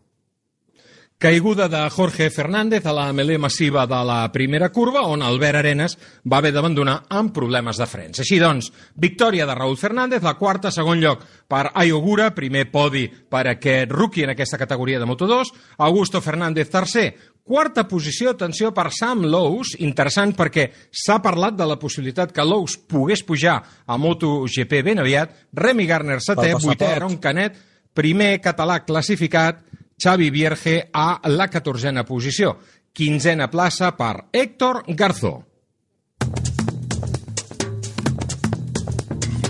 En el campionat mundial, ara Remy Garner té 206 punts, Raúl Fernández està a 19 punts, Bezeki és tercer a 47 punts, Aaron Canet és cinquè a 123, ja està molt lluny, i la sisena posició és per Augusto Fernández a 124 punts. I parlem ara de Moto3, on Pedro Acosta sortia a la setena posició. Acabem de parlar amb ell fa pocs minuts. A la tercera volta es va posar líder i ens va fer somiar amb la sisena victòria de la temporada. Recordem que ha guanyat sis vegades en aquest circuit. A l'última volta, però, Quim, el Pedro va estar a punt de caure, però va salvar l'errada i va entrar quart a només 5 dècimes del tercer. Jo crec que un campió del món, encara que ell abans ens ha explicat que, que no li mola gens això, un campió del món ha d'entendre que no cada dia és festa i que per guanyar un títol algun dia t'has de conformar en fer això, la quarta posició, no? Sí, però queda gairebé mitja temporada, ell té 17 anys, és el seu primer any, quan arribi a MotoGP i amb 21 quants anys estigui jugant un títol, ja serà el moment de fer això. A part que estic convençut que això que acabes de dir li deu dir cada, cada dia cada dia a Kiayo, que a més ell ho ha dit a l'entrevista, és un tio muy frío, sí, muy frío i que sap fer els números perfectament i sap el que es necessita per ser campió. Però a mi em sembla bé que un nano de 17 anys i, i amb la situació que té el campionat, que té un avantatge amplíssim, se la jugui per guanyar. Tu ja ho entendrà, a, a base de temps i potser d'alguna decepció, que, que a vegades s'ha de córrer d'una altra manera, però a Moto3, eh, benvingut a la rauxa i benvingut l'espectacle. Molt bé, Pedro Acosta, i la remuntada de Sergio García, que dues voltes Clar. pel final s'havia quedat tallat, i al final no només els va atrapar, sinó que, que va acabar guanyant, eh, també espectacular. I recordem que sortia 13è, eh, la grella. A la segona volta ja era cinquè, darrere de Costa, i un final explosiu amb la seva tercera victòria de l'any, la quarta en les tres temporades que porta a Moto3, i ara li ha retallat 12 punts a Costa aquest cap de setmana. Quim, eh, no li preguntaré a la Maria, perquè ella, evidentment, és, és infinitament més jove que nosaltres, però eh, eh, tu recordaràs els duels entre Cito Pons i Joan Garriga. Aquí pot haver-hi Sí. una rivalitat García Dols, Acosta, Acosta, García Dols i els seguidors i representants d'uns i altres, com la que en el seu moment hi va haver entre el Cito i el, i el Joan? Doncs mira, eh, em sap greu xafar-te la guitarra i tirar aigua al vi, mm. però els nostàlgics de l'època ens encanta rememorar mm. aquell Pons Garriga de l'any 88, però és que allò era el primer títol mundial del motociclisme Clar. català i el primer títol mundial del motociclisme espanyol que no fos a les categories petites. La dimensió és molt diferent. Eh, fins i tot la situació a la pista, mm, Cito i Garriga, si no m'erro, perquè fa molts anys, anaven mm. molt més igualats a la general del que van ara Sí. a Costa i García. I en aquell moment ells eren la punta de llança del motociclisme eh, català, espanyol, cadascú que s'ho miri des de la, la seva òptica. Ara mateix, amb tot el mèrit que tenen com a pilots, Acosta i García, a la llista d'ídols de l'afició, encara estan força avall, perquè, perquè en tenim molts a Clar, clar. És a dir, que a mi aquest paral·lelisme se'm fa, se'm fa molt difícil. Una altra cosa és que, eh, com ja he dit, crec que ens podem divertir molt amb aquests duels, perquè a més són dos pilots rapidíssims i que, que em sembla que també tenen el cap molt a lloc. No els he vist fer cap bogeria. Fins i tot la setmana passada, que era dificilíssim, mm, van haver-hi situacions perilloses perquè, perquè una cursa de Moto3 amb l'asfalt mig moll és perillosa, però, però ells ho van, fins i tot després a les declaracions eh, un cop acabat, eh, van estar correctes, van estar tranquils. Són dos pilots que apunten molt bones maneres, però jo crec que és un escenari diferent. Els sis primers en aquesta cursa van entrar en només set dècimes. Voldria apuntar la gran remuntada i el bon ritme, ritme de rècord per Izan Guevara, les sancions per off-limits de Carlos Satay i el català Jeremy Alcoba, entre d'altres, i després que algunes KTM, no totes, per exemple la de Pedro Acosta no ho duia, portaven la llanda del darrere tapada, i això diuen que dona poc avantatge, però algun quilòmetre de punta més sí que dona, i això en un circuit com Silverstone pot tenir una certa transcendència. Per tant, doncs, en aquesta cursa, victòria de Sergio García Dols, per davant d'Onsu, bona actuació del pilot turc, Fotja va fer la tercera plaça, Acosta es va haver de conformar amb la quarta posició, cinquena pel veteraníssim Fenati, sisena pel valencià Macià, vuitena per Guevara, primer català classificat, el Jeremy Alcoba a la catorzena posició, així està el Mundial de Moto3. Pedro Acosta té 196 punts, 41 de diferència sobre García Dols, que n'ha retallat, insisteixo, 12 aquest passat cap de setmana. Fenati, el veterà Fenati, és tercer, a 89 punts, per tant, el Mundial clarament és cosa de dos. Foggia ocupa la quarta plaça a 94 punts, Macià és cinquè a 101 punts.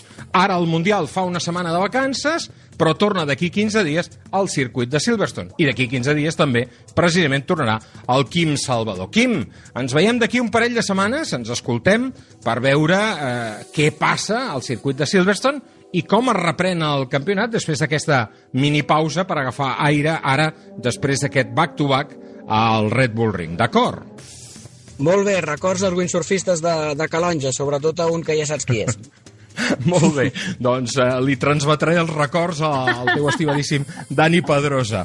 Marieta, no marxis perquè seguim amb No. tu per parlar ara justament de cotxes. No sé si et vols acomiadar del Quim eh, perquè ens deixa ja en aquest instant.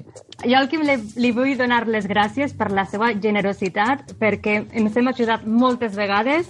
Eh, havíem de fer les dues entrevistes en català i a vegades hem compartit entrevista, jo amb el meu micro i ell en el seu, per ajudar-nos, per estalviar-nos temps l'un a l'altre, i això, quan treballes amb periodistes d'altres mitjans, que a vegades hi ha un punt d'ego amb segon qui, uh, Quim, t'ho agraeix, te- t'ho agraïsc molt i tinc molt bon record de treballar amb tu al paddock de MotoGP.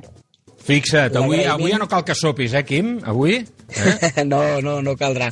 Anava a dir l'agraïment però un record és, és recíproc i gairebé valoro més les converses que teníem en les, en les estones d'espera que, que després que ens coordinàvem molt bé a les entrevistes. Una abraçada molt forta, Marieta. A tu.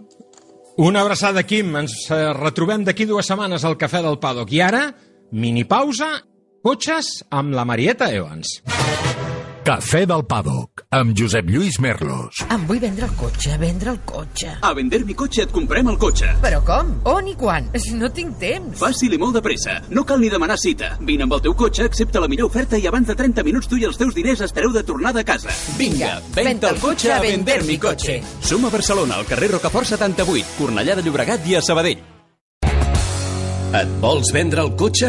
Busca, compara i, si algú te'n paga més, vine a Ocasión Plus. Millorem qualsevol taxació al millor preu garantit, pagament al cap de 30 minuts. Ocasión Plus, dues botigues a Terrassa, un altre a Mataró i també a ocasionplus.com.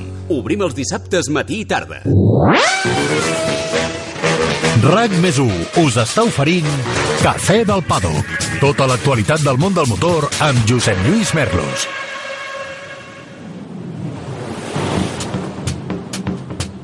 I a la recta final del Cafè del Paddock parlem de cotxes, perquè tenim la immensa fortuna que la Marieta Evans, que ens acompanya avui, té una mica el corazón partido entre el món de les motos, a on ha treballat durant molts anys, eh, com a pit reporter amb Dorna, i actualment treballa al món dels cotxes com a pit reporter també per Eurosport, a on eh, fa funcions de presentadora també en aquest campionat que ha nascut aquest any, el Pure ETCR, el campionat per turismes elèctrics que l'any vinent tindrà rang FIA. Marieta, qui t'estimes més, el papa, la mama, els cotxes, a les motos? On estàs més a gust? Uh, una pregunta molt difícil de contestar. El, el que sí que et diré és que estar en campionat que arranca de zero, tot nou, reinventat, des del cotxe fins al format de competició, el format televisiu, i ser-hi present en aquesta primera històrica temporada, per mi això és un regal de la vida, bueno, de la vida, d'Eurosport, del Felipe McGo, que el coneixes, que és el nostre productor executiu. grandíssim amic, sí, sí. Uh, aleshores, jo estic encantada. La valoració de la primera part de la temporada, Josep Lluís, és molt bona. El campionat és espectacular i apunta que el temps nos donarà la raó. Els pilots que participen estan apassionadament encantats de pilotar estos cotxes perquè el primer que destacaria és que el cotxe, a diferència, per exemple, de la Fórmula E, que quan va arrencar Mhm. tenia cotxes molt més lents que la Fórmula 1 i encara són més Sí. lents que la Fórmula 1, en aquest cas, els cotxes del Pure, els, els turismes elèctrics d'aquest campionat, ja són, ara mateixa, els turismes més potents i amb una acceleració més ràpida del món. Te ho explico Carai. en números. Eh, continua, per exemple, amb la comparació amb Fórmula E. Un cotxe de Fórmula E Mhm. en Attack Mode, en Fan Boost, quan està a màxima potència, té 250 quilowatts. El mínim de potència al que va un turisme del Pure, el mínim, és 300 constant. Això ja és més que el Fórmula E quan està a potència a tope. Però és que la potència màxima dels cotxes del Pure és 500 kilowatts, el doble que la potència d'un Fórmula E. Això Uau. són 700 cavalls. Uh, som, crec que exactament 678. 700 cavalls. Crec que els turismes del Mundial de Turismes de Benzina és 350. Això és increïble. Per als pilots és una autèntica joguina. Una joguina, escolta't, molt difícil de dominar. Però és una experiència increïble pilotar això. I et diré més, uh, el que ho descriu més bé és que uns pilots de Cupra, que parlarem avui eh, Sí. amb tu de Cupra, Matías Ekstrom, doble campió del DTM, pilot d'Extreme E, campió del món de rallycross. Doncs el Matías Correcte. Ekstrom, a un parell d'entrevistes al pit lane i amb una roda de premsa, ha comentat, o em va comentar a mi diverses vegades, que uh, quan té els 500 kilowatts disponibles, els 700 cavalls, al, vol al volant del cotxe del Pur, per exemple, quan fan la contrarrellotge que han de fer, només tenen una oportunitat, una volta per fer la volta perfecta, marcar un temps per la graella de les superfinals, i tenen cinc, els 500 kilowatts, 700, 700 cavalls, tota la volta, diu que això, aquest moment, és el més difícil, el repte més difícil de la seva carrera esportiva i, per tant, el més excitant. Aleshores, tens un tio com el Matías Ekstrom dient Clar. que ni DTM, ni Rallycross, ni, ni, ni Extreme, que el més excitant, el repte més gran de la seva cursa esportiva, se de la seva carrera esportiva, se l'està trobant al Pure TCR. I interessantíssim, eh, això que ens has explicat. L'última cursa que s'ha disputat fins ara es va fer a Copenhague. Els pilots de Cupra, justament Jordi Gené i Miquel Azcona, ocupen ara mateix la tercera i la quarta posició d'aquest campionat després d'aquesta tercera prova de l'any. I Matías Ekstrom, eh, de qui ens parlaves, que també pilota un dels cotxes fets a Martorell, lidera el campionat ara mateix. Però la veritat és que Copenhague, Marieta, va ser una cursa diferent, no?, per les característiques del circuit. A Copenhagen vam haver de fer les coses una mica diferents perquè el circuit era un circuit urbà, un circuit molt estret, aleshores es va capar la potència de 500 a 300, no teníem els, els power-ups, va ser una, un, un escenari una, una mica diferent, això sí que és veritat. Uh, queden ara dues curses perquè s'acabi la temporada. És, és una temporada una miqueta curta. Uh, la primera, justament, aquest cap de setmana a Hongria. Què esperes d'aquesta prova, Marieta?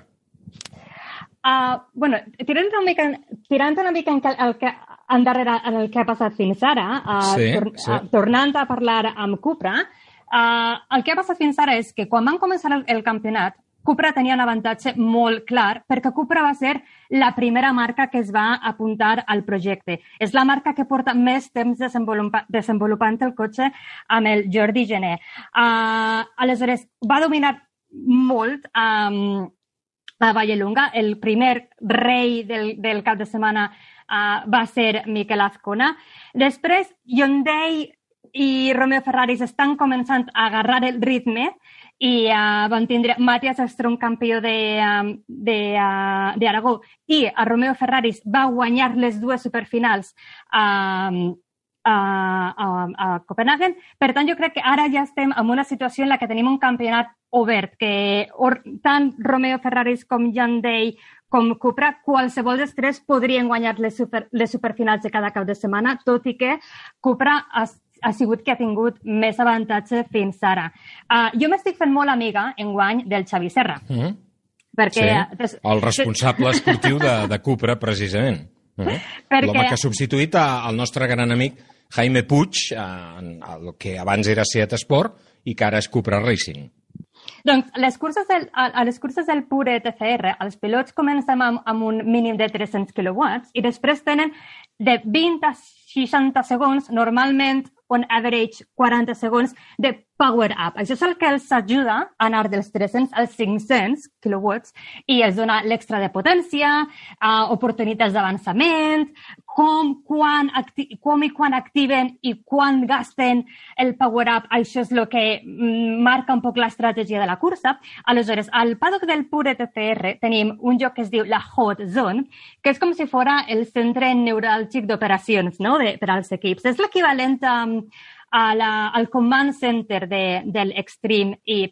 I per què? Doncs perquè allà és on estan els responsables de cada equip i els pilots que en aquell moment no estan a pista perquè poden seguir no només tot el que passa per pantalles, el que està passant a pista, sinó que és l'únic lloc on poden rebre a temps real informació del power-up, no només del propi equip, sinó del rival. No? Aleshores, per exemple, tens els, els, els responsables de cada equip, diguem-li al pilot que està al cotxe, amb qui poden parlar per la ràdio, escolta, Sí. el teu rival ha gastat 20 segons, a tu te queden 30 segons, em pots atacar ara o no. És molt, és molt divertit, és molt excitant. Com a pit reporter de la cursa, a mi em toca estar allà durant la cursa i la meva primera feina, només acabar, és agarrar a qui siga el responsable de l'equip que ha guanyat la cursa i entrevistar-lo. I clar, ha guanyat tantes batalles fins ara Cupra que Xavi Serra s'està convertint la persona que fins ara, amb qui fins ara he parlat més aquest, aquest, gran, aquest, aquest mundial. Aleshores, estem fent, ens estem fent molt amics. Això és una, una, una senyal de lo bé que, que ho ha fet Cupra fins ara, no? que, que han estat... Són en, en general els que, els que més batalles han guanyat. I dic batalles perquè tenim un sistema de, de, de, de, de, de, gran, fe, de gran premi, si, si puc Mhm. uh aquesta paraula molt, molt interessant, que comencem el dijous o el divendres amb un sorteig. Els 12 pilots del campionat eh, fem un sorteig i els dividim en dos lligues, eh, no sé si dir lliga, pool A, pool B, lliga A, lliga B, Sí. en grups de sis. Grups, A no? Serien grups, Sí. no? Bàsicament. Mm. A partir d'aquell moment, els sis del grup A no es trobaran a cap moment en pista amb els sis del grup B. Aleshores, d'entrada ja comences amb un gran premi en el que tens com dos grans premis a la vegada. Això ja és un extra d'emoció. I després, que des, durant tot el cap de setmana, els pilots de cada grup van enfrontant-se no amb una o dos, sinó a diverses, amb diverses mànegues de curses, curses a dos cotxes, curses a tres cotxes, després curses a sis cotxes, i no són eliminatòries, sinó que totes les curses serveixen per sumar punts de campionat. I Clar. després hi ha les superfinals, el diumenge, eh, que és, les, les diguem superfinals perquè és la cursa que més punts dona, però no és que s'hagin eliminat i arriben o no. I al final del, gran, del, del, del cap de setmana, qui més punts té és el campió d'aquell cap de setmana, que pot ser o no guanyador de la superfinal, depèn com, fa, Clar. com facis les matemàtiques. Uh, jo ho he, ho he contat És, aquest és, matí. és una fórmula curiosa, sens dubte, i Són que, i 12 que t'enganxa molt, perquè estàs pendent, clar, eh, hi, ha, hi ha moltíssimes curses, d'alguna manera és com el rallycross, no? que no paren d'encadenar una màniga darrere de l'altra. Escolta una cosa, el campionat coincideix amb curses del doble TCC, el Campionat Mundial de Turismes, i tu has tingut l'oportunitat de parlar amb el Miquel Azcona, que com el Jordi Gené, per exemple, en alguns eh, caps de setmana, cinc crec que són, baixen de l'elèctric i pugen al, al tèrmic en el Mundial de Turismes. Escolteu el que li explicava a la Marieta Evans al Miquel Azcona precisament per com s'ha de plantejar un pilot aquesta coincidència amb dos cotxes que aparentment són molt iguals, però són, eh, en definitiva, extraordinàriament diferents. Pues un fin de semana que coincide ETCR y WTCR es bastante complejo, bastante durillo en el sentido de que principalmente tenemos la mitad de tiempo para poder analizar ambos campeonatos, ambos coches eh, y a la vez tenemos que cambiar en muy poquito tiempo la manera de conducción, sobre todo referencias de frenada, eh, líneas trazadas, la manera de aplicar el gas, ya que un coche es tracción delantera con 350 caballos y otro coche es tracción trasera con casi 700. Cambia mucho la, la manera de conducir un coche y otro y eh, esto es un estrés constante durante todo el fin de semana para sacar el 100% en, en cada coche, en cada campeonato, pues eh, generalmente tienes muy poquito tiempo y ese poquito tiempo tienes que sacarle todo el partido en analizar los vídeos, analizar los datos para luego ser capaz de también cuando te subes a un coche cambiar el chip y cuando te subes al otro cambiar el chip completamente porque ya te digo no, no tiene nada que ver a la hora de, conducir cambian muchas cosas y es muy difícil cuando estás peleando a la décima de segundo en el WTCR y estás peleando a la décima de segundo en el ETCR. Cambia tantísimo que es, es, es muy estresante, pero a la vez es muy, bueno, es un reto bastante interesante. Que interessant és, sens dubte, aquesta puntualització que ens ha fet el Miquel Azcona de què suposa pels pilots passar del cotxe elèctric al tèrmic o a l'inrevés. Marieta, estem fora de temps. Eh, dues curses per acabar la temporada. Què podem esperar, doncs, deia, d'aquestes dues reunions? A qui beneficien? A Cupra, als seus rivals? Com ho veus, aquest tram final? Uh, jo crec que ara mateix el Cupra és qui pot perdre el Mundial. Uh, té tot per guanyar-ho perquè ha tingut el millor cotxe fins ara i té Miquel Azcona, que té un talent increïble, però és molt jove, i té el Matías Ekstrom, que té el talent i l'experiència. Però, ojo, que Jan Day està allà, Jean-Cal Bernay porta segon del Mundial des de la primera cursa, i Romeo Ferraris ja ha arribat al nivell de Jan Day i Cupra. I tenim 12 curses cada cap de setmana. Jo us diria, no vos ho perdeu. No ens ho perdrem, i tant que no. Recordem a Eurosport, podem seguir aquest campionat amb els comentaris a peu de pista de la Marieta Evans, que ens ha acompanyat avui aquí. Marieta, moltíssimes gràcies per acompanyar-nos. Uh, M'ha fet tanta il·lusió que estessis avui aquí amb nosaltres al Cafè del Paddock i A saps que, que t'ho dic, dic de, de tot cor. I és la primera, però no serà l'última vegada, perquè segur que ens acompanyaràs repetiràs abans de- d'acabar aquesta temporada, i tant que sí. Una forta abraçada i que vagi molt bé per Hongria amb aquesta penúltima cursa del Epure eh, d'aquest campionat aquest cap de setmana. Que vagi bé. Gràcies, adeu. I a tots vosaltres, gràcies per acompanyar-nos, eh, moltíssimes gràcies. La setmana vinent no tindrem Cafè del Paddock, pararem uns dies perquè també volem fer vacances, evidentment que sí, però d'aquí dues setmanes tornarem a acompanyar-vos per parlar de tota l'actualitat del món de les dues i les quatre rodes. Recordeu, aquest cap de setmana la cita és a l'Autòdrom de Les Arte, una nova edició de les 24 hores de Le Mans, i estarem molt atents. Les transmetran també els amics d'Eurosport. Podrem combinar Le Mans amb Eurosport i, evidentment, aquesta cursa del Epure amb la Marieta Evans, que ens ha acompanyat avui. Gràcies per acompanyar-nos. Fins d'aquí dues setmanes al Cafè del Paddock. Bones vacances a tots. Adéu-siau. RAC